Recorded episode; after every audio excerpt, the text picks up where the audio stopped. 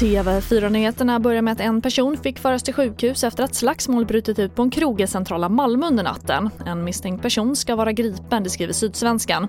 Polisen stängde också en krog intill på grund av för mycket bråk. Och från Stockholm rapporteras om ett stort bråk på en restaurang i Gamla stan. Det ska röra sig om två grupper som slagits med varandra och stora delar av restaurangen slogs sönder. Och räddningstjänsten har under natten fortsatt att bekämpa den stora höghusbranden i Gävle. Sen igår kväll bedöms den vara under kontroll drygt ett dygn efter att den startade i fredags kväll. Omkring 200 personer har fått lämna sina hem i huset och i natt har brandmännen arbetat med att hitta och släcka mindre glödbränder som är kvar. Släckningsarbetet väntas pågå många timmar till.